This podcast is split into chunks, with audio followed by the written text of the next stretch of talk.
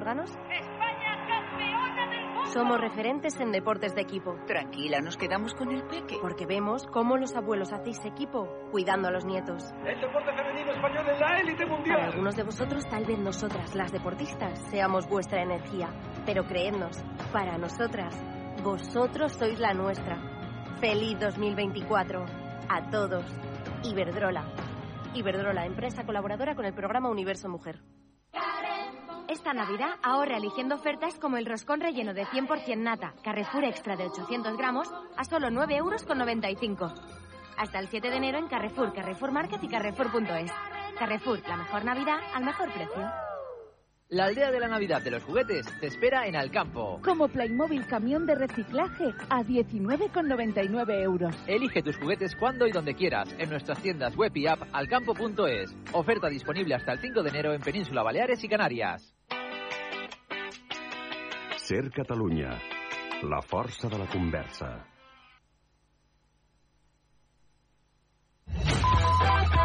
Comença el Que t'hi jugues amb Sique Rodríguez i Lluís Flaquer.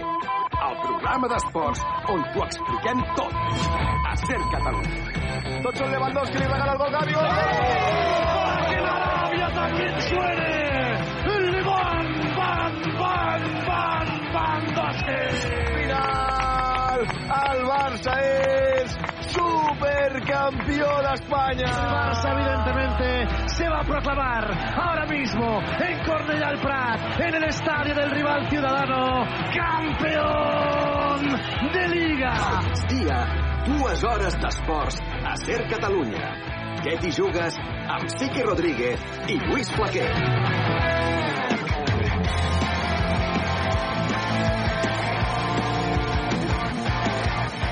Molt bon dia i molt bon any. Bon dia, Bon, bon, dia, bon home. any, Flaqui. Ja, estem tots, Ja gairebé, tocava. tots, gairebé tots, no estem tots per aquí. Uns Déu-n'hi-do, quants, Déu-n'hi-do, no? la gent que treballa. Dani sí. Albets, La mentida. Xavi Seissó, Bruno Alemany. Bon dia, què Santi tal? Valle està bé. Santi Valle està barallant-se amb no sé exactament què, està per aquí, podem fer. Està suant. I el Willy, hola Willy, bon any. Bon any, Willy. Feliç any nou a tothom. Igualment, primer que t'hi jugues del 2024. Ai, què ens depararà aquest any? És un any maco. Haurà- Orins sí, fortes, sí, sí, sí, hi haurà jocs. Any de jocs és any maco sempre. Hi ha l'Eurocopa. Hi ha Eurocopa, hi ha Copa Amèrica. Amèrica. Als Estats Units. Eh... No, si el Bruno feina en tindrà. Té bona pinta. Eh, moltes gràcies, Flaqui. Sí, sí. Copa feina, Amèrica de vela. Eh, que no Copa falti. de vela, Que no falti. A casa nostra. I saps si el Barça... Encara es fa això? Com a Amèrica de No, vela. és broma, és broma. Què vol dir que ara es fa això? No, ja... Bé, Ah, bàsquet. Un respecte, eh, per la Copa Amèrica. Barça de bàsquet. Respecte per la, per la, per la competició Sí, sí, històrica i, Ah, i centenària. Que sí, que sí, que mola moltíssim. Sí, no? Sí, sí. No sé, igual el Barça torna a guanyar la Champions. Igual. Ah, Sí, sí. L'Eurolliga, l'Eurolliga. L'Eurolliga. L'Eurolliga. La veritat és que l'Eurolliga també pinta que sí. S'ha de ser optimista en No aquest riguis, primer Xavi. No, si no ric, jo. Demà hi ha un clàssic, eh? Davant Demà l'estrena del nou any, un té dues senyor. opcions. Ser optimista o no ser no.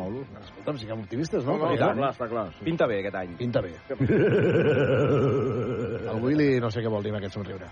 En fi, que benvinguts al primer que t'hi jugues d'aquest any 2024, que aquí segur que us ho passareu bé. Amb nosaltres fent-nos companyia, com veniu fent ja els darrers temps. Eh, ja ho sabeu, de 12 a 2, Ser Catalunya, cada dia de dilluns a divendres. Eh, molta informació, moltes notícies i passant-nos-ho molt bé, que al final a la ràdio es tracta de- d'això, de, de passar-s'ho bé i d'explicar-vos d'explicar-vos coses. Que t'hi jugues al migdia és la nostra sintonia.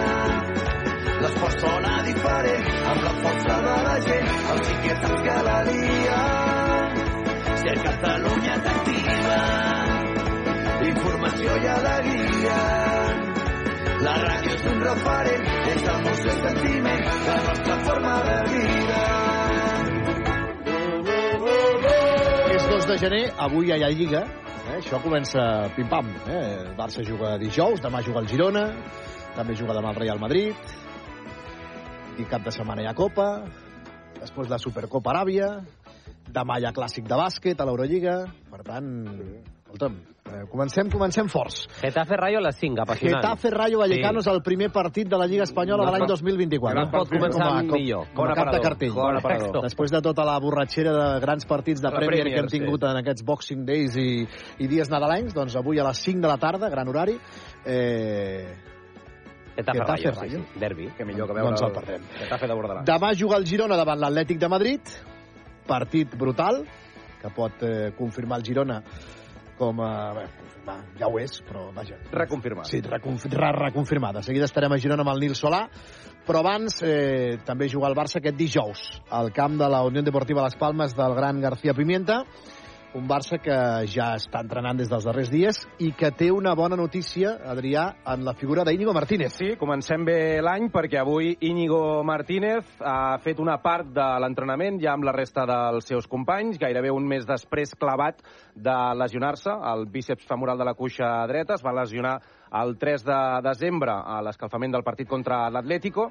La previsió eren unes 3-4 setmanes de baixa, així que demà es compleix aquest mes i avui Íñigo Martínez ja ha pogut treballar, com diem, una estona amb el grup. Mm, Pel partit de dijous a les Palmes encara no arriba. Mm, Jo ho veig just i arriscat per la Copa, també, aquest eh, diumenge a Barbastro. Per tant, la reaparició ja seria la setmana que ve a la Supercopa d'Espanya contra Osasuna a les semifinals. Per tant, Íñigo Martínez a la recta final de la seva recuperació. La resta encara no. Veurem Pedri com evoluciona aquests propers dies. L'objectiu era que arribés a la Supercopa d'Espanya, però ja vam dir que no estava ni molt menys garantit és bastant probable que trigui una mica més perquè la prudència amb ell és màxima. I després Marcos Alonso. La idea és que l'operin avui de l'esquena, estarà unes quantes setmanes de baixa i mm, Ter Stegen aquests dies eh, farà un mes que es va operar, encara li queda almenys un mes més per poder tornar i Gavi ja sabem que, que es perd tota la temporada. Per tant, aquesta és una mica, Flaqui, la situació dels lesionats del Barça, amb la bona notícia, com diem, que avui Íñigo Martínez ja ha fet una part de l'entrenament amb el, amb el amb grup. la mirada fixada sobretot en aquesta Supercopa d'Espanya. Recordem, el Barça juga dijous al camp de les Palmes. Per aquest partit sembla complicat que Íñigo pugui ser-hi. A Barbastro potser no caldria per, per no arriscar més del compte. I si ja, doncs, el primer gran tema del Barça d'aquest any 2024, aquesta Supercopa, dijous d'aquesta setmana, no la següent, davant d'Ossassuna a les semifinals de la Supercopa que es disputarà a Aràbia. La tercer final, recordem, el derbi entre Real Madrid i Atlètic de Madrid. Tota una setmana en què demà parlarà Xavi i en què estem pendents doncs, de Vitor Roque, eh, que ja va entrenar en. Santiago Valle, però que, que Sí, bon estem dia. pendents de que es confirmi. Bon dia i bon any.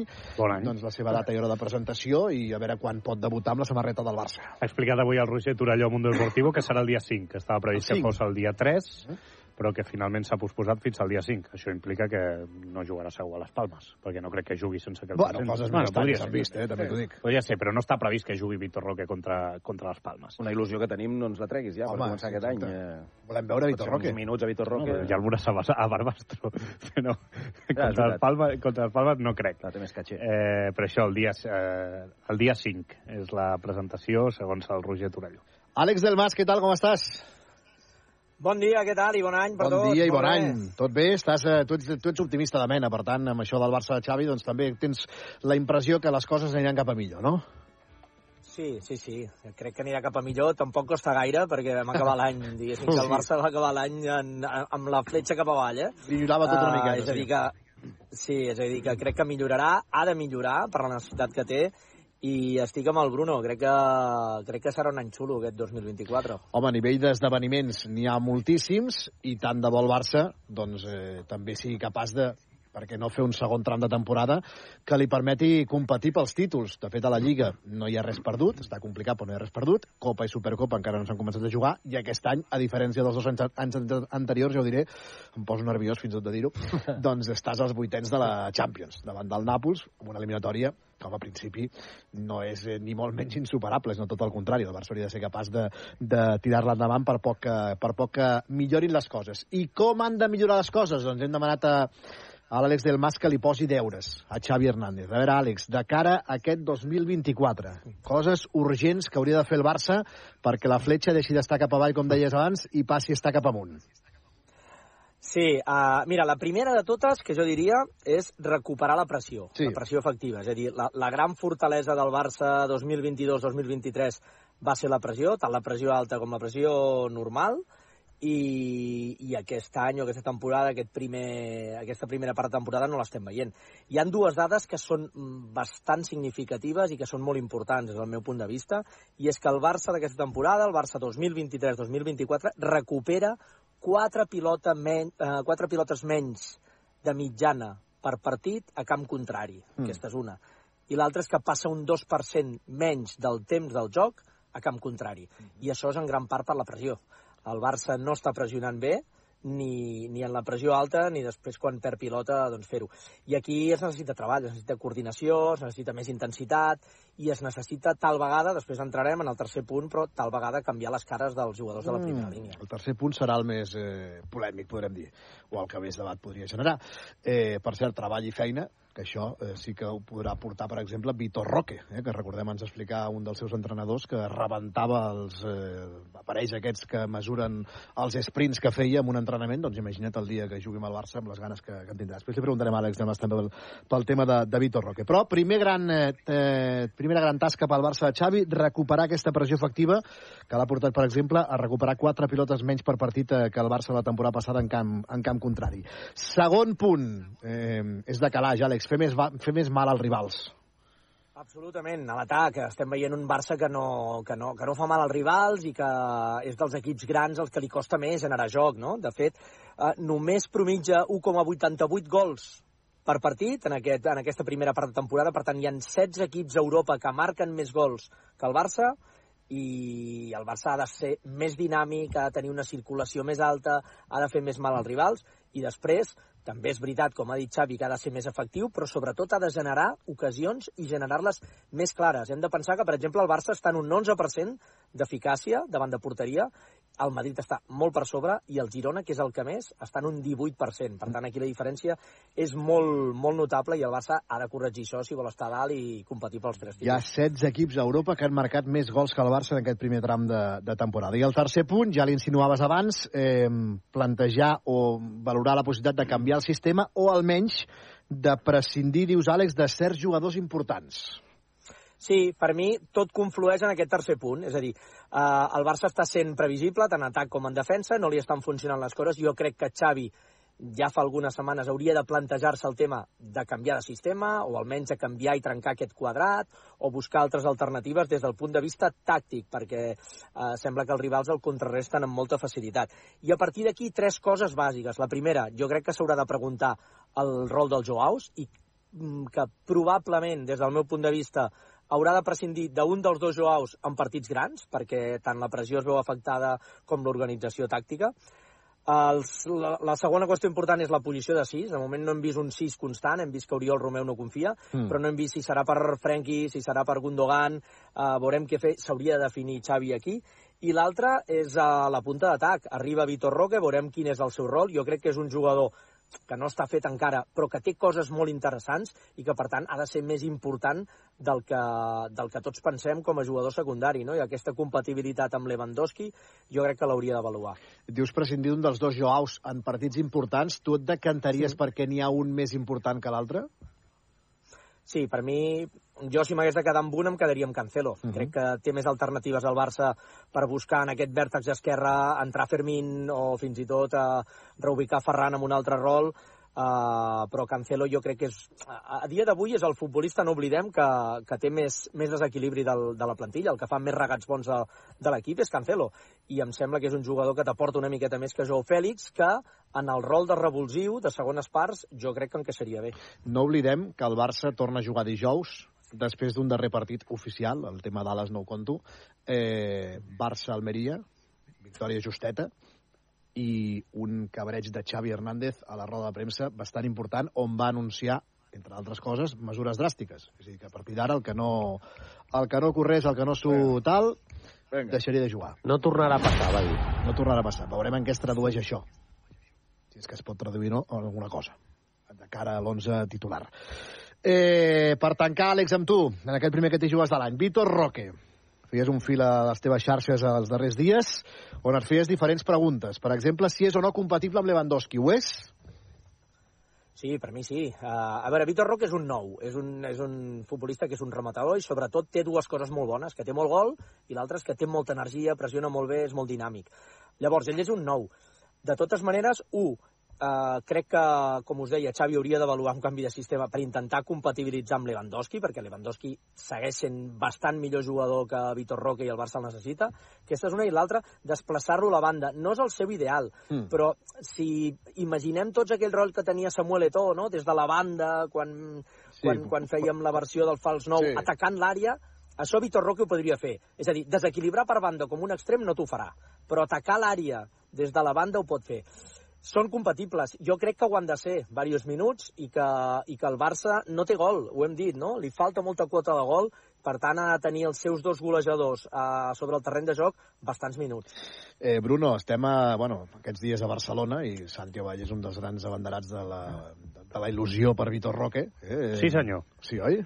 M'encanta.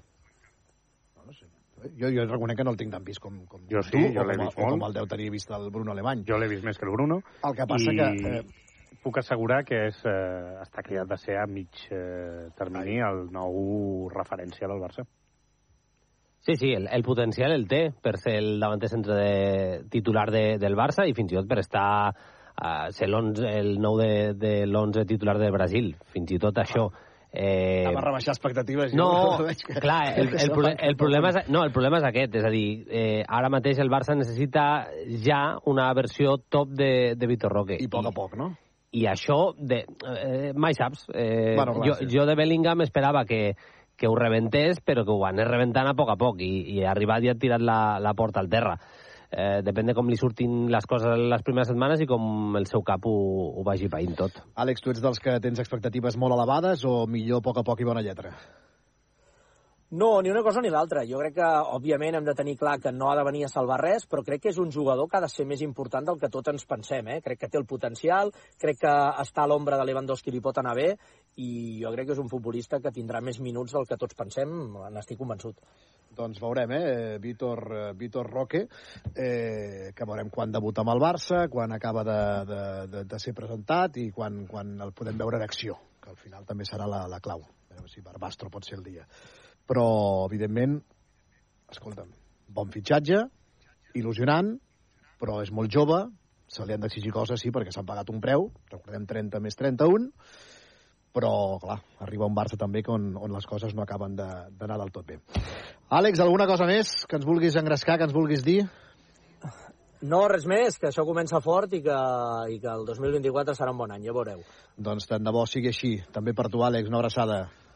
Una abraçada per tots. L'Àlex Dalmas, eh, posant-li deures al Barça i explicar-nos aquesta possible compatibilitat de, de Vitor Roque amb un perfil, deia Samuel Eto'o, eh? no, no, no d'extrem a extrem natural, però sí d'aquell Samuel Eto'o que, que ajudava i que tenia arribada. Què passa? Que el posin de nou i ja està. Tu vols seure Lewandowski, eh? Sí, home, fora. Eh, tranquil, eh? Ep, mira, no no sigui, sí, sí, és que ara si no fa producció, jo, eh? Sí, sí, la, la, Però entro Però ara. qui és aquest que parla? Qui és aquest que parla? Eh, El és Diable veritat. ets el productor d'aquests dies. del Bueno, d'aquests dies, avui i demà. Di- Dijous ja ens espavilats. Des d'aquí, des d'aquí un missatge per l'Helena de Diego, sisplau, Helena, torna ja, eh? I una, I una Núria Vilamala, si us plau, a veure si pot anar No, tornant. t'ha- T'has barallat una miqueta, eh, amb el tema... Amb el tema... Però estem estem, estem a YouTube, ja que ho estem hem activat, ho anunciem, ens podeu veure en directe al Ah, estem YouTube. sortint? Al YouTube. Sí. Diu que sí. Fins ara, podcast. fins ara el Demanava les vacances en funció de, de la seva dona. A partir d'ara serà en funció de la Núria Vilamala. Sí, sí. Digue'm, Núria, com fas les vacances i, i a Però per partir què dius Santiago Valli? Si aquest ets tu. El què? Per què? Perquè ets Si, tu qui si, pensa penjaràs, així. si ho penjaràs tot tu avui. Ja... Ah, això és veritat. Per salvar el Bruno i el Santi d'aquest Sí. jardí on s'estaven posant a poc a poc, deixa'm fer un apunt. No, intentarem no marejar molt a la gent, Sí. però sobre Sí. Víctor Roque, eh, Flac, hem preguntat al Barça Sí. si la presentació pot ser efectivament aquest divendres, si està ja Sí. confirmada aquesta data, i ens diuen que no, que no fa pinta que hagi de ser divendres, que podria ser més endavant. Més endavant. Sí, algun altre dia. Per tant, de moment encara no donem per segur eh, que En serà tot, presentat ca, en divendres. tot cas, esperem que no hagi de debutar fins que el, o sigui, que pugui debutar abans que el presentin, perquè si, si ha de ser més endavant, doncs, eh, clar, al final... Ai, és que jo me l'emportaria a les Palmes ja directament. Va, va jugar ja després de la lesió, no? Sí, l'últim partit seu és a principis de desembre, el, 2 de, dece- el 3 de desembre, si no estic errat. Uh, I sí, sí, eh, l'hem vist entrenar i crec que està, almenys físicament, en condicions per jugar al partit. En tot cas, quedeu-vos amb això, eh? Santi Valle s'hauria ja Lewandowski. No, ja fet, no, fet, ja fet, no. fet que ha provocat eh, la reacció immediata Ja, de... ja no, però si no fa gols, eh, escolta, canvi, al minut 60 canvi. La seva millor versió és fora. de nou, claríssimament, en això estic amb el, amb el Santi, però hem tingut casos, no només Eto'o, eh, David Villa, Gabriel Jesús al Manchester City, jugadors que són nous, que han jugat a la banda i ho han fet No, molt s'ha bé. de fer una inversió en Vitor, en Vitor Roque perquè Ja s'ha l'han fet, ja. No, Sí, una- no. s'ha de fer una inversió futbolística, Ah, de fer-lo jugar on se senti més còmode, perquè Lewandowski no, ni serà etern, ni fa pinta que duri gaire. per molt que ell vulgui. Home, una, de- una, una de les claus que hem de veure és si aquesta crisi golejadora de Lewandowski és passatgera Però o és que ja no és crisi golejadora, és crisi futbolística. Bueno, sí, perquè mm, fa moltes menys coses de les que feia més enllà de que no fa gols. Per tant, aquesta versió tan pobra de Lewandowski que estem veient doncs eh, fa... El productor fa, aixecant la cella, eh? fa entreveure No, que. Lewandowski no farà molts anys de carrera més al Barça. Menys mal que hem fitxat el nou Ronaldo, que és Vitor Roque, que, Correcte. que segur que resoldrà tots aquests Home, problemes. això sí que sí, que perquè per això ens hem gastat uns diners i per això hem fitxat un jugador il·lusionant i jove, que és el que ha de fer el Barça, fitxar gent jove i tirar cap endavant amb, amb aquesta gent. Doncs a veure què passa. El temps posarà cadascú al seu lloc. Veurem si s'imposa la tesi lewandowskiana o la de Vitor Roque. 12 i 25, va, endrecem més coses de l'actualitat abans d'anar cap a Girona. Què t'hi jugues presenta l'actualitat del dia. Xavi Seixo, què tal? Hola, Flaqui, què tal? Com anem? Escolta'm, que Rafa Nadal ha tornat i per la porta gran. Doncs sí, el Manacolí ha derrotat aquest matí a Dominic Thiem per 7-5 i 6-1 a la primera ronda del torneig de Brisbane, amb un gran tennis i molt bones sensacions físiques. Això és el que acaba de dir Nadal després del, del partit. Yeah, thank you so much. Uh, thanks for for the support since since I arrived here. Uh, today is uh, honestly uh, an emotional and important Bueno, Nadal ha donat les gràcies, content, emocionat. Eh, era per ell un dia important, diu, després d'un dels seus pitjors anys de la seva carrera tenística i content del nivell i també per la seva família. Bruno? Què volies? No, que demanava el bar perquè ha dit Tiem i tenim el dubte amb l'Adrià Albet si és Tiem o Tim. Dominic Aquest Thiem. és el dubte que teniu, Sí, eh? sí és Bueno, francès, com no? a experts en tenis, Sí, ja- i, i en francès. francès. Ah, bueno, és francès? Eh, pues sí. Pues sí. Va, no, dic, ara li Em sembla, preguntaré. em sembla que sí. Els eh? experts li alemanys s'han rigut de José Luis Sastre, Sí. sí, Experts en de tenis. l'Oi por Hoy, i fins i No. tot li ha enviat un missatge perquè Sastre ha dit Tiem. Ah, bueno. Li preguntaré a la meva dona, la meva dona ara està treballant, però... Home, la teva dona dubto que et En porti tot la cas, contrària. activem no? el bar. No, activem. Tiem és austríac. eh? Dubtes que, em Austríac, dubtes que no me la portis. És eh? austríac, és Austríac, austríac. austríac. El que dubto és que se la portis tu amb ella. Bon toc hem fet, eh? És francès, no és Sí, austríac. Com és francès, jo dic, sí, crec que sí. Eh, eh, comencem bé l'any. Eh, Bé. Va, vinga, va. Deixem el Tiemis i parlem de Jennifer Hermoso, que avui és doble notícia. Sí, la delantera espanyola ha fitxat pels Tigres de Mèxic i, a més, avui declara per primera vegada davant el jutge pel cas Rubiales. Hermoso ja ha donat la seva versió públicament a la Fiscalia i en alguns comunicats, però ara ho fa davant el jutge Francisco de Jorge. Hi ha alguna novetat d'aquesta declaració abans de la una al migdia, en eh, parlarem, en comunicarem amb Madrid. En surt de Jürgen Klopp després de guanyar el Newcastle. Sí, el tècnic alemany felicitava els seus jugadors i aplaudia l'afició quan de cop es mira la mà i comença a buscar la gespa. Klopp havia perdut l'anell de boda. Menys mal que el càmera que el filmava l'ha trobat. El càmera? El càmera. Ah, sí? I Klopp ha dit, serà un amic per tota la vida. Home, ni- imagina't tu que arriba a casa, Klopp, després de guanyar Newcastle sense l'anell de boda, no? Vull dir que Déu-n'hi-do. Doncs eh, Déu-n'hi-do pel, pel càmera, que li va salvar, li va salvar un, bon, un bon disgust. Més enllà de Rafa Nadal, què més destaquem en l'àmbit poliesportiu? Una notícia dolenta, mort Carmen Valero, doble campiona del món de cama a través i primera atleta olímpica espanyola a Montreal 1976. La setmana passada va tenir un vessament cerebral, tenia 68 anys i residia a Sabadell. Valero va ser la pionera de l'atletisme femení espanyol. En motos, primeres declaracions de Marc Márquez sobre la Ducati de l'equip Gresini. Són paraules a Dazón. No me, y menos en público, no me gusta comparar eh, las, las motos y no diré las, las diferencias, pero, pero bueno, es una moto diferente, es un estilo de pilotaje diferente. eh, como he dicho, saltas a la moto campeona, así que está en tus manos. Hay muchos pilotos que van rápido con, eh, con esta moto. Me he podido adaptar más rápido de lo, de lo esperado. eh, enseguida me he encontrado muy bien, eh, mucho feeling, me quedan muchas cosas por, eh, por entender a nivel de posiciones y sobre todo también a nivel de, de comunicación con el equipo. Eh, es lógico que llevo, venía de 11 años trabajando con un grupo, ahora es un eh, grupo nuevo, pero la familia Gresini me, me ha recibido muy bien, eh, es todo muy agradable y esto también a- ayuda a estar más relajado. En el Dakar els pilots ja són a Aràbia, on el dia 5 comença la competició. Molts d'ells han passat la nit de cap d'any a l'avió. I en bàsquet, avui Roger Grimau i Nicola Provítola sortiran a la prèvia del clàssic de demà al Palau, un clàssic marcat per les declaracions del mànager de la secció, Juan Carlos Navarro, després de perdre de 20 punts a la pista del Mónaco. Si et sembla, Flaqui, escoltem el que deia Joan Carlos Navarro. La primera parte de la temporada ha sido muy buena, incluso por encima de nuestras expectativas. O sea, eso quiere decir que hemos demostrado que, que somos un equipo competitivo y que podemos ganar a cualquiera. Y sí que es verdad que en este mes de diciembre eh, ha habido una serie de derrotas, no tanto por las derrotas, sino en la forma de las derrotas eh, que tenemos que cambiar. Eh, sinceramente han habido actitudes, tanto dentro como fuera de la pista, que no me han gustado, que no nos han gustado, que no son dignas de, de este club y de esta camiseta. Cosas que ya están habladas, eh, que se van a arreglar, que no volverán a suceder, pero eh, también todos los jugadores tienen que dar un, un paso adelante eh, porque tenemos que cambiar esta dinámica. Confiamos en este proyecto, tanto en Rullier como en los jugadores que tenemos, porque creemos que, que tenemos que dar una mejor versión. Todo está hablado, hay muy buena comunicación eh, para que cosas que han pasado mal pues no vuelvan a ocurrir. Eh, Xavi, fa molts anys que segueixes la secció Sí. de bàsquet del Barça. Estripades com aquesta, poquetes, eh, n'hem sentit. Bueno, eh, era, era diguem-ne, des d'un punt de vista lògic que Navarro sortís a defensar Sí, Grimau. Però clar, el que va assenyalar els jugadors dient Exacte. que hi ha actituds dins i fora de la pista que són inacceptables per una samarreta com la del Barça. Això no s'esperava. Ha sigut una autèntica bomba, que diria Sí, aquell, eh? de Navarro ha deixat anar la bomba. No ha donat cap, cap nom, cap nou, cap nom, perdó. Eh, clar, estan assenyalats els bases, està assenyalat Billy Hernán Gómez, en fi, a veure si avui eh, Nicola Provítola diu alguna cosa o Roger Grimau diu alguna cosa, però la veritat és que després de set derrotes en 10 partits no és el millor ambient, això és evident, per rebre el Real Madrid, que recordem està absolutament imparable.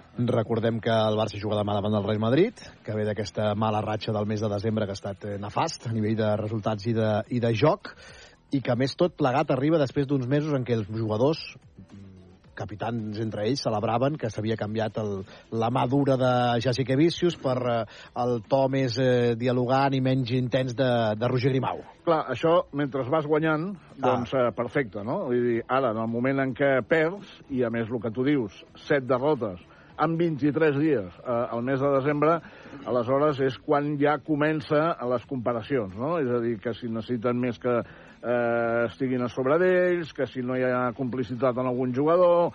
En fi, han sortit totes aquestes coses que veurem si es poden redreçar. Evidentment, si guanyes el Madrid, es tranquil·litza tot, però després del Madrid tens el Bascònia, eh, després tens un Obradoiro a casa que si no el guanyes has, perds a ser cap de sèrie a la Copa, en fi. Eh, són cinc partits al Palau, però l'ambient està oleaje. Que L'ambient està molt enrarit, Ah, molt això. enrarit i molt tens. Ah, Veurem si una victòria davant del Real Madrid és capaç de relaxar-lo Ah, una miqueta. Si no, les coses encara s'agreujaran més, però eh, veurem en què es tradueix també doncs, eh, aquesta declaració de Juan Carlos Navarro assenyalant alguns comportaments d'alguns jugadors, si n'hi ha algun que queda més o menys assenyalat en funció dels minuts que a partir d'ara li comenci a donar o li doni, per exemple, demà en un partit capdalt, eh, Roger Grimau, que d'aquí una estona, eh, n'estarà pendent el Seisó, parla en roda de premsa juntament amb Nicola Provítola. Veurem què passa demà. Demà farem una bona prèvia d'aquest Sí. clàssic per, per analitzar com està la situació del Barça, que no és evidentment la millor per començar per començar per començar l'any. Més enllà d'això, Saissó, què t'ha cridat l'atenció? Doncs mira, el jugador de la penya, parlem de bàsquet, Andrés Feliz, sí. eh, protagonista també, per cert, al Camp Nen sense joguina, sí. perquè hi ha una samarreta signada per ell, torna a ser notícia en aquestes dades del, pel seu dorsal. Què ha passat ara? Atenció, Feliz, en el seu primer any a la penya, portava el número 23. I clar, quan va arribar el Nadal del 2022, què millor que ell desitgés un feliç Clar. 2023. Sí. Bueno, però aquesta temporada ha canviat el número 24. Sí. I clar, aquest Nadal, a màrqueting de la penya, doncs ha tornat a triomfar. Però per què del 23 al 24? Es posarà aquest any el 25. Ah. Bé, la resposta és que el 24 de març, 24 de març, va néixer el seu fill i va voler canviar. Andrés està content de desitjar un bon 2024.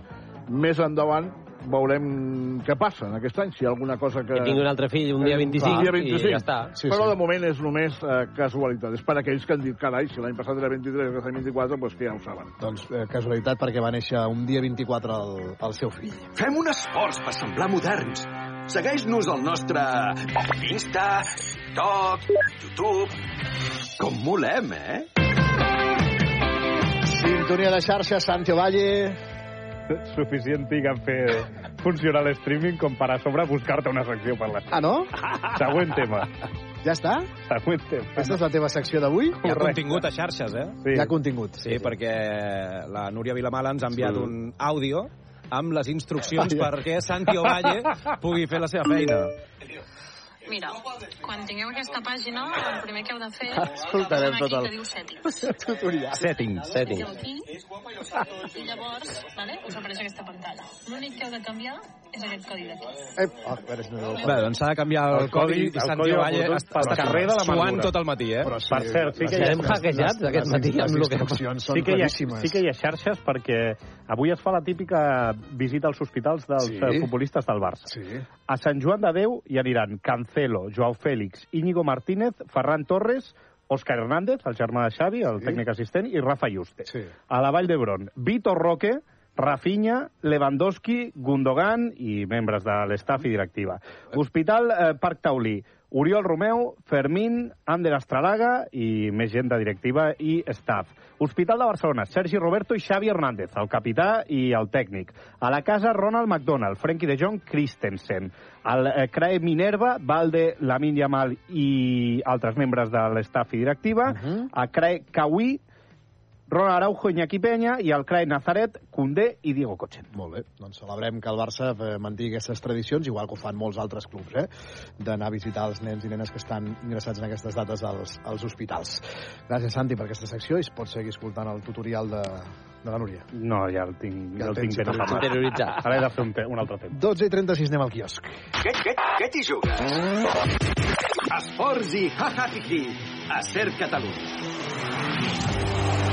Quantes vegades has anat a veure el Milan en els últims anys? 11 vegades. 11 vegades des 11 vegades del de 2015? Sí, senyor. Quantes vegades ha guanyat el Milan quan l'has anat a veure a Itàlia? Cap ni una. Oh, molt bé! Què t'hi jugues amb el Sique i el Flac? Tu sí que ets un mite. L'únic que vull és ballar-te, ballar-te, ballar-te, ballar-te. Ser Catalunya. El que vull és ballar-te, ballar-te, ballar-te, ballar-te. La força de la conversa.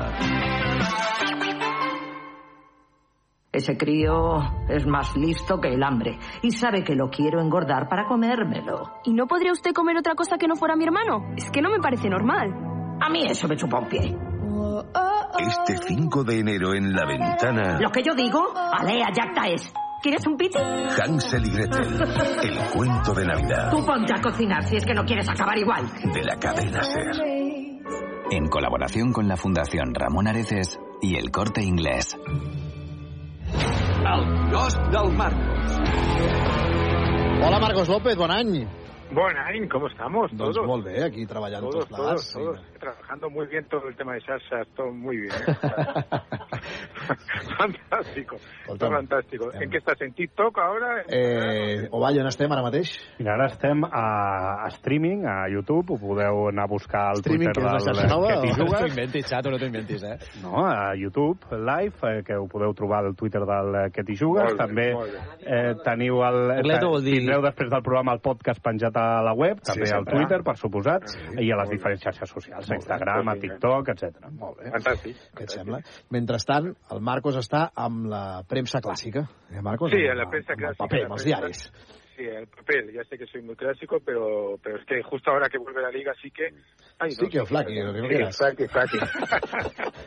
justo ahora que vuelve la liga decía Flaqui toca detenerse en la Premier, donde el fútbol, como bien sabes, no tiene tregua. Noche redonda para Jürgen Klopp y su Liverpool. 2.0. Me imagino que Bruno lo vio. Fue un partido increíble, un partido extraordinario. Creo que fueron 34 tiros. El portero de Newcastle, Tubraca, hizo un partido eh, soberbio, pero el Liverpool se mantiene líder y como recuerda Andy Hunter en el diario inglés The Guardian, quedó emocionado el técnico por el impacto de Salah. El problema es que Salah ahora lo pierde por la Copa, por la Copa de África, porque se va con Egipcio, eh, con Egipto, perdón.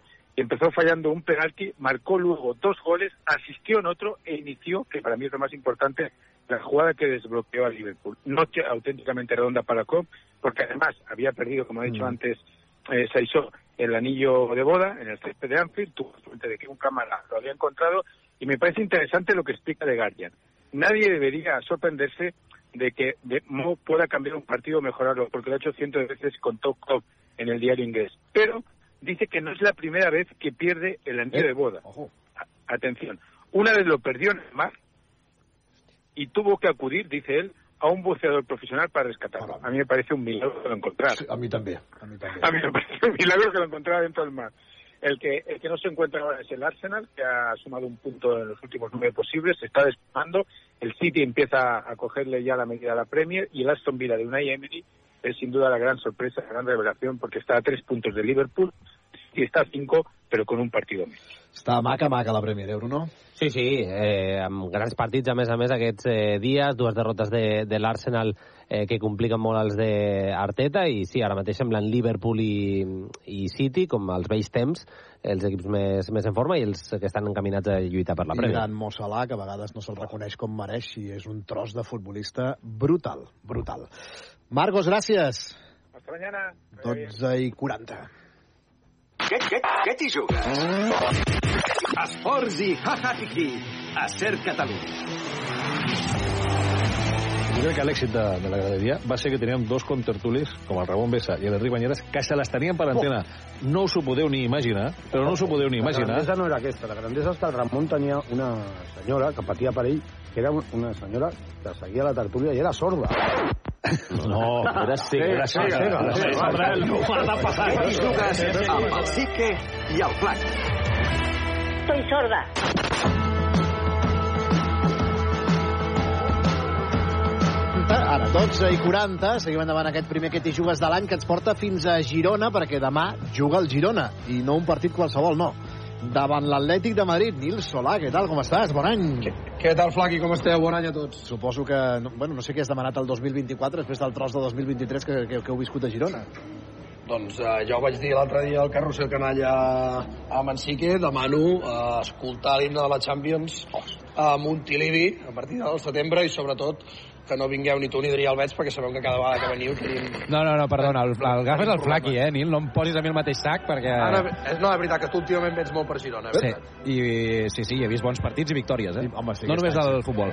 No només del futbol. Com? L'Adrià fa, fa com... No, és que no, fa tenis, bàsquet, tot una Ah, val, val, val. Fa tenis i bàsquet. Fas tenis també, Girona? Tenis, eh, en principi no. Tot arriba. Pàdel, de vegades, sí. Pàdel, sí, pàdel, sí. Nil, d'aquí una estona parla Mitchell, prèvia Sí. d'aquest primer partit de, de l'any, eh, tancant la primera volta al Girona davant l'Atlètic de Madrid. Sí, un dels partits eh, marcats en vermell al calendari. Eh, recordem que el Girona rep aquest Atlètic de Madrid. Està empatat el Girona després de l'últim gol que va rebre al camp del Betis a l'afegit. Eh, empatat a punts amb el Madrid i amb la incògnita, tot i que jo ja avanço que seran males notícies Mm. respecte a Sigankov, a Ángel Herrera i David López. No crec que cap dels tres pugui participar.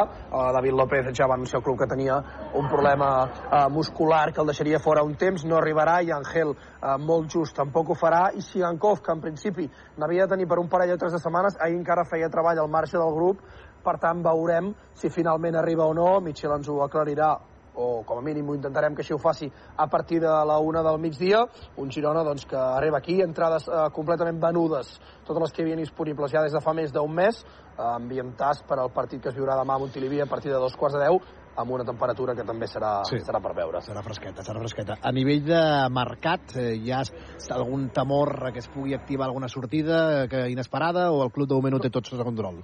De moment sembla que el club està sota control, eh? evidentment el Girona no pot controlar els interessos que poden haver-hi eh, per futbolistes seus o que altres clubs, com podria ser el Barça, eh, hagin contractat amb l'entorn de l'Eix Garcia. El que sí que sabem és que el Girona de moment no ha rebut cap trucada, un funcionament que va passar una cosa similar amb l'Oriol Romeu. Eh, és veritat que l'Eix Garcia té al voltant, una clàusula al voltant dels 20 milions d'euros i també és veritat la informació que avui donava Ferran Martínez que hi ha una opció, una clàusula que permet a l'Eix sortir per menys. Mm. És a dir, que seria al voltant, de, al voltant dels 12 milions, evidentment per rendiment que està donant l'Eix Garcia ara, eh, 12 milions és, una, és un, pràcticament un regal i el Girona no negociarà absolutament res que no sigui la clàusula o un tracte molt favorable pel Girona perquè entenen que, eh, evidentment, l'Eix Garcia és la pedra angular, recordem, l'únic futbolista de tota la Lliga que ha disputat tots els minuts de camp després de 17 jornades i una peça fonamental per Mitchell en una posició a la que més el Girona s'ha de reforçar. En clau Barça ara mateix 12 milions és una morterada. Per tant, eh, veurem què acaba passant, si podríem buscar altres fórmules no, però eh, veurem què passa en aquest mercat d'hivern eh, amb el Girona, que evidentment és un gran aparador després del tros de primera volta que ha fet l'equip de Mitchell. Gràcies, Nil. Vosaltres una abraçada. El Girona Atlètic de Madrid demà a Montilivi a dos quarts de deu de la nit. Just abans, a un quart de vuit del vespre, també demà al Santiago Bernabéu, Real Madrid-Mallorca, amb el renovat Ancelotti parlant ara mateix en sala de premsa. L'escoltem. porteros, eh, probó a, a Kepa en el último contra Vitoria y dijo que a la vuelta de vacaciones tenía que darle una vuelta en vacaciones, ya iba a decidir cuál sería su portero habitual para lo que resta de temporada. Quería saber si ya ha tomado la decisión y si la quiere compartir con nosotros. No, no he, to- no he tomado la decisión porque la verdad es que estos porteros, los dos, me hacen dudar. eh. entonces creo que no es eh, correcto para ni uno de los dos que yo elija en este momento el, portero titular. Son muy buenos y creo que partido cada partido voy a elegir eh, el portero que en el momento me da más confianza. Hola, mister. Buenos días. Feliz año. Miguel Ángel Díaz de la cadena COPE. Quería profundizar un poco sobre el asunto de, de la renovación, porque no es habitual que el club renueve un entrenador a mitad de temporada. Siempre este tipo de decisiones eh, se tomaban al final, sabiendo un poco si se ganaba algún título importante o no. Eh, quería preguntarle eh, si para usted eso es un, éxito personal y que nos contara un poco cómo ha sido la intrahistoria de todo esto, cuando se pone el presidente en contacto con, con usted para ofrecerle dos años más. E insisto, si para usted es, tiene más valor que se anuncie la renovación a mitad de temporada. No, bueno, para mí tiene valor eh, el hecho que el club eh, quiere seguir eh, con mi trabajo, esto me da valor. Y también eh, la intrahistoria no es tan importante porque yo siempre he dicho que eh, no tenía prisa eh, en la renovación, también se me, se me acababa el contrato el 30 de junio, no, no tenía prisa. El club ha elegido hacerlo ahora porque probablemente eh, está contento con el trabajo que estamos haciendo todos juntos y, y quiere seguir con esto. Esto, como he dicho, me hace muy feliz. Eh, ¿Es un éxito? No lo sé si es un éxito. Eh, el éxito aquí es ganar los partidos, eh, es lo que intentaremos que hacer también después de esta renovación. Doncs Carlo mister. Ancelotti, eh, oficialment renovat eh, per dues temporades més al capdavant del Real Madrid, descartant així la posició d'anar al Brasil, que semblava que tenia doncs, molt interès en incorporar l'entrenador del Real Madrid. Segueix parlant Ancelotti, si hi hagués algun, alguna reflexió eh, prou interessant, la recuperem abans de la una del migdia. Aquí al que t'hi jugues, per cert, Bruno, ho dèiem mig en conya abans, però déu nhi l'any futbolístic que ens espera a nivell internacional, eh? Sí, sí, és bestial. Eh, tenim per començar ara Copa d'Àsia, que jugarà al Qatar, Copa d'Àfrica, que juga a Costa d'Ivori, eh, però a més a més tindrem eh, l'Eurocopa d'Alemanya 2024, Copa Amèrica, que jugarà als Estats Units també aquest eh, proper estiu, eh, Copa d'Oceania, fins i tot Flaqui, i els Jocs Olímpics, que eh, seran a, a París. Eh, avui s'ha filtrat, per exemple, l'equip, l'11 amb el que jugaria la selecció eh, francesa, eh, ja es dona per fet que aniran Mbappé, Varane i Griezmann, serien Caram. els tres escollits. Eh, Serà el mes d'agost. el mes d'agost, clar. Eh, S'ha de dir que, que en teoria aquests eh, tres jugadors jugarien també l'Eurocopa.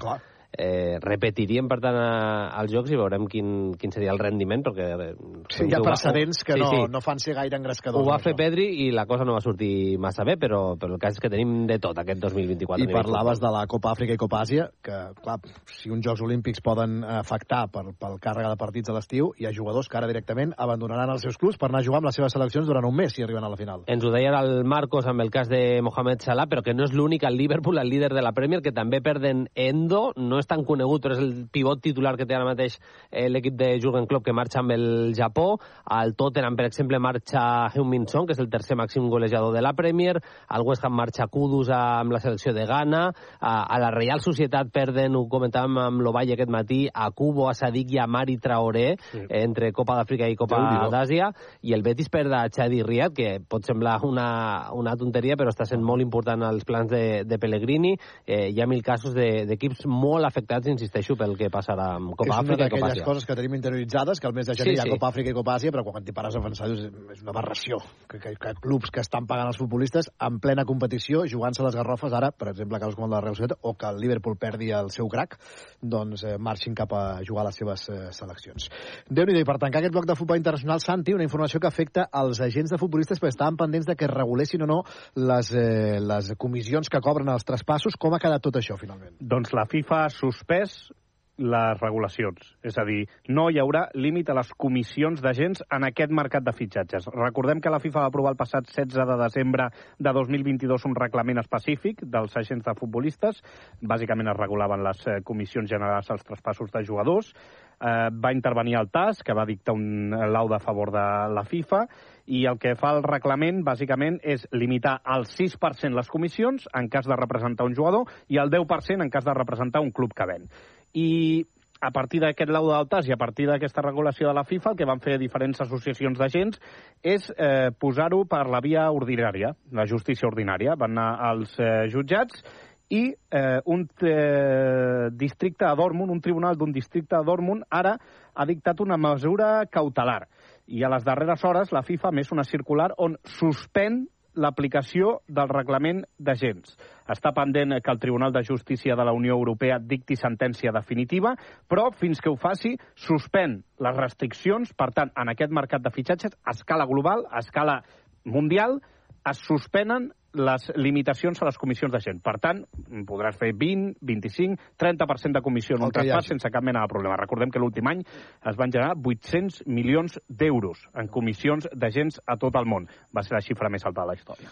Déu-n'hi-do, doncs de moment queda així, suspesa aquesta limitació, per tant, en aquest mercat d'hivern, eh, via lliure entre, entre cometes. Què t'hi jugues? Tancarem el que t'hi jugues d'avui parlant de Barça i economia, que estrany, però sí, s'ha de parlar, perquè el passat 20 de novembre us explicàvem aquí el que t'hi jugues, que el Barça ja era conscient aleshores que l'empresa Libero Football Finance no pagaria els 40 milions d'euros que havia pactat per la compra del 10% de Barça Vision. Ja els havia de fet d'haver cobrat a l'agost, no van arribar, es va ampliar el termini fins al 31 de desembre i un cop passat aquesta data s'ha confirmat el que us explicàvem aquí el que t'hi jugues el passat 20 de novembre, que Libero no ha pagat. Els companys de l'agència F explicaven dissabte passat que el Barça demandarà Libero per aquest impagament. Què implica no cobrar aquests 40 milions? En parlem amb un dels nostres economistes de capçalera, l'Ivan Cabeza. Ivan, què tal? Bon dia. Hola, bon dia i bon any. Bon dia Molt i bon bé. any. Tot bé? Molt bé. Agraït que ens atenguis eh, en aquest eh, primer que t'hi jugues de l'any per parlar d'aquesta informació, de la qual ja en parlàvem nosaltres el, el dia 20 de novembre, però que perquè la gent ho entengui, Ivan, eh, per què és greu aquesta informació de que finalment el Barça no cobri aquests diners que tenia previstos cobrar de Libero? Mira, jo crec que aquest, aquest impagament, val, que vosaltres ja ho haureu avançat, té, té quatre conseqüències, o quatre vessants. La primera és econòmica, no? i potser és la més, la més clara, és a dir, el Barça esperava cobrar abans del 30 de desembre 40 milions d'euros que no cobrarà. Per tant, diguem una situació complicada econòmicament, doncs tenim cobrament previst d'aquestes quantitats i no cobrar-lo, doncs probablement genera, genera una situació incòmoda eh, i financerament difícil, no? Uh, la primera és aquesta i és evident. La segona, per mi és la menys important, però és la que crec que el club li ha, ha- fet aquest tipus d'operació, no? que és la del fair play. És a dir, el Barça uh, no havia complert amb uns objectius, havia complert amb uns objectius a l'estiu, però al no cobrar, la Lliga li va, si recordeu, la Lliga li va, li va rebaixar de manera, de manera important doncs, unes quantitats a l'espera de que aquests cobraments que tenia previstos els cobrés. I això, al no passar, doncs no revertirà aquesta situació de fair play. Per tant, en aquesta finestra diguem-ne, d'hivern, doncs serà gairebé difícil, gairebé impossible, a no ser que hi hagi una alternativa, doncs poder cometre qualsevol tipus d'incorporació. No? Uh, la tercera és econòmica. Uh, el tancament d'aquest exercici, que serà el 30 de juny del 2024, si no es reverteix, no es troba una alternativa a relació a aquest pagament, val? el Barça haurà de provisionar, és a dir, haurà de portar a pèrdues aquesta quantitat i veurem si allò que va fer, que vam comentar de principi d'equivalència d'imputar-se 208 milions d'euros Sí. com a part del valor d'aquesta companyia, si per aquests 40 l'auditor demanarà que es rebaixin. I l última reputacional, és a dir, que el club, en una situació complicada, mm, pacti amb un soci de dubtosa solvència financera i que no, i, i que no compleixi amb el seu compromís, doncs deixar, deixar en mal lloc al club i, i probablement el projecte de Barça Studios també, no? Aleshores, tenint en compte que hi ha 120 milions d'euros pendents de cobrament entre 24 i 25, doncs la situació podria ser encara més greu. Aleshores, bueno, esperar, jo crec que el club tindrà alternatives i intentarà buscar la millor solució possible. Clar, m'agafo mm, ja aquestes quatre conseqüències ben, ben explicades i detallades, però la, la última és que no és el primer cop que al Barça li passa, que, que pacta uns cobraments amb, sí, sí. amb, amb alguna palanca que, que diem nosaltres i aquests diners no arriben. Totalment. Jo crec que això són operacions més d'urgència que estratègiques, és a dir, Mm. aquesta operació està agafada bàsicament per poder fitxar, això ho vam comentar fa un Sí, any. sí, sí. Ah, aleshores, com que e- és una operació més feta per intentar per intentar cometre una sèrie d'inversions del primer equip i, i que al final l'any passat van donar resultats, però no estan pensades a llarg termini, doncs probablement mm, bueno, doncs no s'agafa el millor soci possible en aquest sentit, com s'ha demostrat. No? Aleshores, en aquest sentit, veurem pel que manca i aquests 120 milions d'euros que falten per la 24-25, si el club és capaç de, de revertir-ho i aviam si aquests 40 milions es pot revertir. Vull dir que això al final encara el club té sis mesos com per poder trobar una solució i crec que el, el projecte és suficientment potent com per poder-la trobar. Clar, eh, mm, efectes de, de que la Lliga et permeti fer una operació similar a aquesta, clar, quan ja seria la, la, ja portes dues vegades que has dit que cobraràs un diners que no cobres, igual a la tercera la Lliga et diu, escolti'm, això ja, no- ja no m'ho crec jo, això. Però jo, jo aquí, Lluís, eh, separaria una mica el tema de la Lliga. O sigui, Sí. per, mi, per mi el tema de la Lliga és, bueno, és relativament important, és més important al club. En el sentit de que si hi ha una operació que estratègicament pot donar diners, el fet de que entri o no entri en fair play, a mi em sembla, fins a cert punt, bueno, no, no diré que no sigui rellevant, perquè al final el Barça és un club de futbol i necessita fitxar. Que al final potser però- estem, potser estem una mica més que- obsessionats amb el fair play, eh? Portem tant de temps amb el fair play, fair play, que potser... El club és més que un o dos... Clar, sí, que sí, un o dos tota la raó. Vale? I al final també et demostra que, pues, bueno, pues, que fitxant molt, al millor a vegades tampoc és la millor solució, no? Perquè al final fitxes empreses, no pots fitxar el que vols. És a dir, que jo crec que aquí separaria, i crec que és un, és un dels principals errors que el club s'ha- portat per la urgència Mhm. de poder fitxar, i, i hi ha coses crec que, és més, que són més importants que poder fitxar un o dos jugadors bueno, que probablement podries trobar alternatives, com s'ha demostrat perfectament, a casa o a preus més raonables. Uh -huh. Clar, tu parlaves de que econòmicament no cobrar aquests 40 milions d'euros genera una situació incòmoda. Clar, la- la- l'adjectiu incòmode pot, pot ser que no sigui tan greu com alguns pugui, ens pugui semblar. Home, aviam, de, depèn de com tu miris. És a dir, tu tenies previst 40 milions d'euros i no te'ls han pagat. Mm. Aleshores, probablement aquests 40 milions d'euros els tenies previstos destinar a altres coses, no? o altres obligacions que tenies tu. I hauràs de buscar una alternativa. Per tant, eh, incòmode o difícil, digue-hi com vulguis. Sí, sí. El, el que jo crec és que el club, al saber, o, o al ser coneixedor ja de que aquests diners els tenia probablement, ja hi comptàvem no cobrar-los, probablement s'ha cobert per cobrir totes aquelles obligacions que tenia previstes que tenia previstos en relació a aquests 40 milions d'euros. Uh -huh.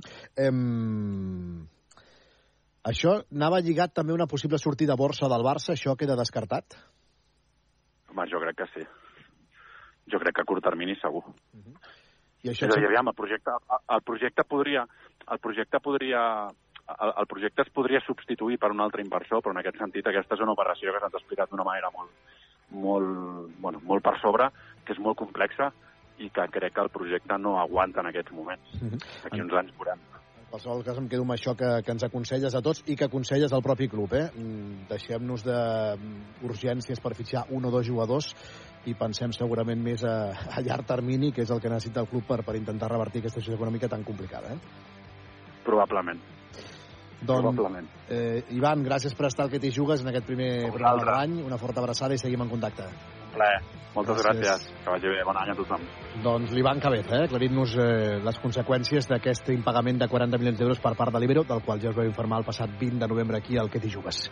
Fins aquí la primera hora d'aquest primer Que t'hi jugues de l'any. A la segona, ja ho sabeu com eh, fem aquests dies, us deixem amb el Cristóbal Chacent, que recupera algun dels millors moments del que portem de temporada. Nosaltres hi tornem demà, a la mateixa hora. Adéu-siau. Què t'hi jugues amb el Sique i el Flaqui? Cadena Ser Catalunya. Por la blanda arena que lame el mar. Al llapis de memòria només sonen cançons que marquen vides. Vides com la de Clara Peia. Si no existís la música, Sí, seguiries en aquest món? no. No, no, no, no. Ideacions suïcides jo no he tingut i, i crec que poder compartir això, poder parlar-ne, poder dir, ostres, que jo estic cansada de viure no? i l'altre diu, ostres, doncs jo també. Parlar les unes amb les altres i ajudar-nos. Compartir, connectar, compartir, no? Connectar, totalment. Llapis de memòria, amb Òscar Moré. De dilluns a divendres, de 3 a 4, a Ser Catalunya. I recupera'ls tots en qualsevol moment al web de Ser Catalunya. Allò que llegeixes en diagonal. Que has sentit dir a un veí. Que has vist de passada a les xarxes. T'ho expliquem. Tota l'actualitat al detall a sercatalunya.cat. Si passa, nosaltres t'ho expliquem. sercatalunya.cat Segueix-nos a Twitter. Arroba sercatalunya. Les notícies a l'instant. Els millors moments que han sonat a la ràdio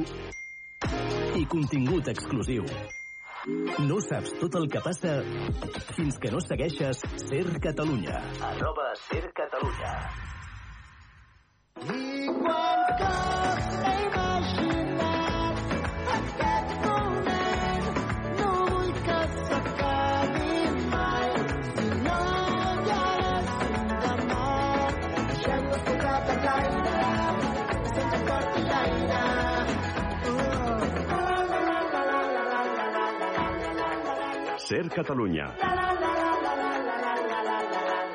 La força de la conversa.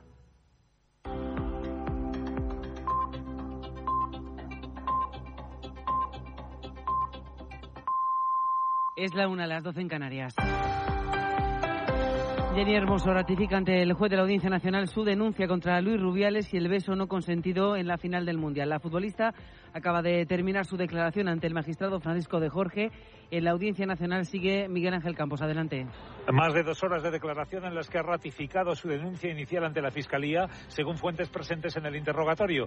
Jenny Hermoso ha afirmado ante el juez que el beso que le dio Luis Rubiales en la boca fue inesperado y en ningún momento consentido. Hermoso ha asegurado, según las mismas fuentes, que con posterioridad a este hecho vivió un atosigamiento constante por parte de investigados como Luis Rubiales, Jorge Vilda o Albert Luque, tanto en el vuelo de vuelta a España como en el viaje a Ibiza para que justificase públicamente aquel beso, una circunstancia que, según ha señalado, alteró su vida normal, produciéndole una situación de desasosiego y tristeza. A la salida del juzgado, Jenny Hermoso se ha dirigido brevemente a los medios para manifestar que estaba satisfecha con su declaración y agradecer el trabajo desarrollado. Hace unos minutos ha aterrizado en Madrid el español Santiago Sánchez Cogedor, que fue liberado el pasado domingo por Irán tras algo más de un año encarcelado en aquel país por visitar la tumba de Mashamin la joven iraní que murió bajo custodia policial detenida por llevar mal puesto el velo. En Barajas, donde le esperan su familia y amigos, está Pablo Morán. Pablo, buenas tardes.